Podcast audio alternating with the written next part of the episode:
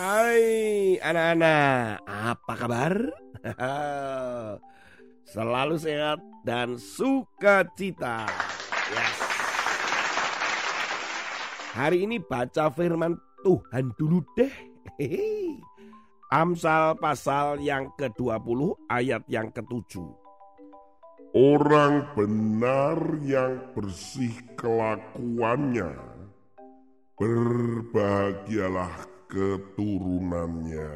Jadi kalau orang yang hidupnya benar, cinta Tuhan, takut akan Tuhan, hidupnya selalu melakukan yang terbaik dan mengikuti keinginan Tuhan.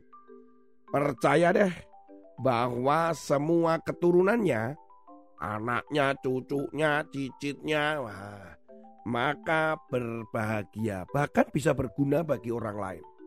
Hal ini dikuatkan dari sebuah penelitian ya, penelitian. Ah, jangan ketawa dulu. Sedikit-sedikit ketawa, sedikit-sedikit ketawa nih.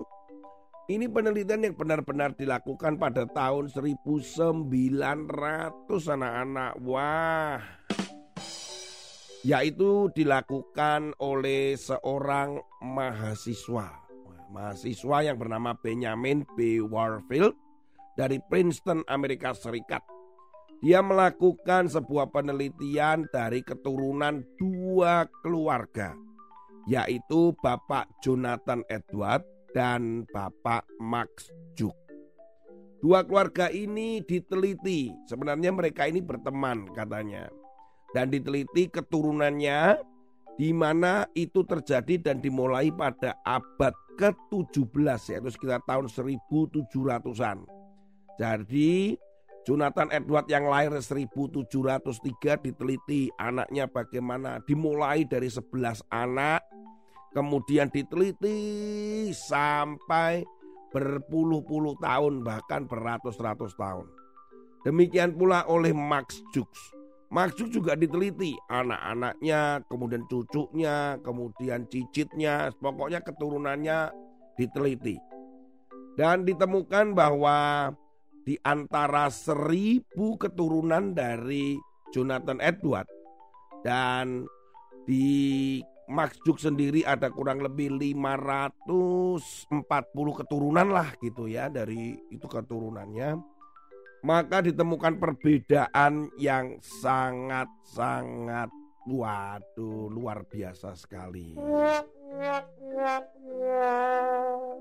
Untuk Jonathan Edward, dia adalah seorang yang cinta Tuhan, dia orang yang sangat takut akan Tuhan, mengajarkan anak-anaknya tuh hidup takut akan Tuhan.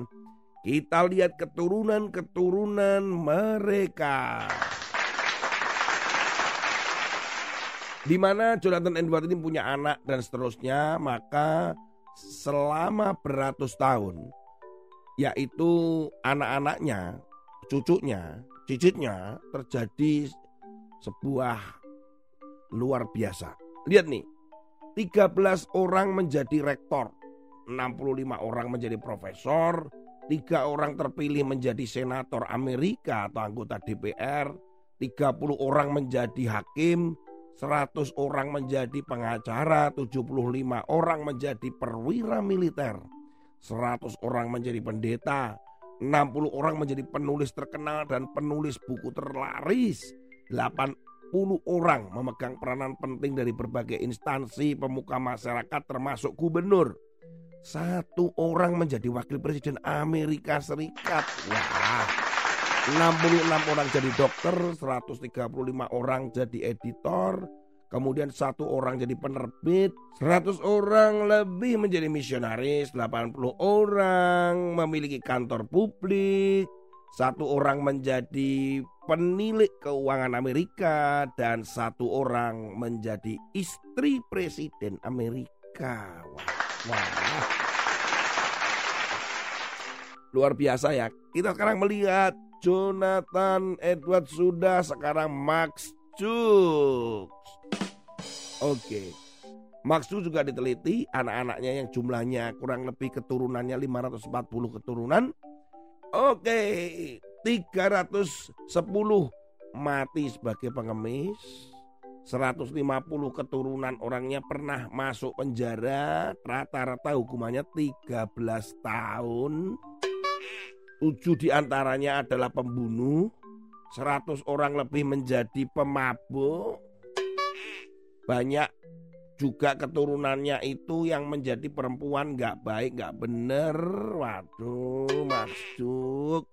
Dan keluarga daripada Mas Jux ini pernah diteliti juga ternyata adalah keturunan yang merugikan kota New York. Waduh. Kurang lebih selama hidupnya itu merugikan ya keturunannya juga itu 1,25 juta US dollar atau 12 miliar pada zaman itu.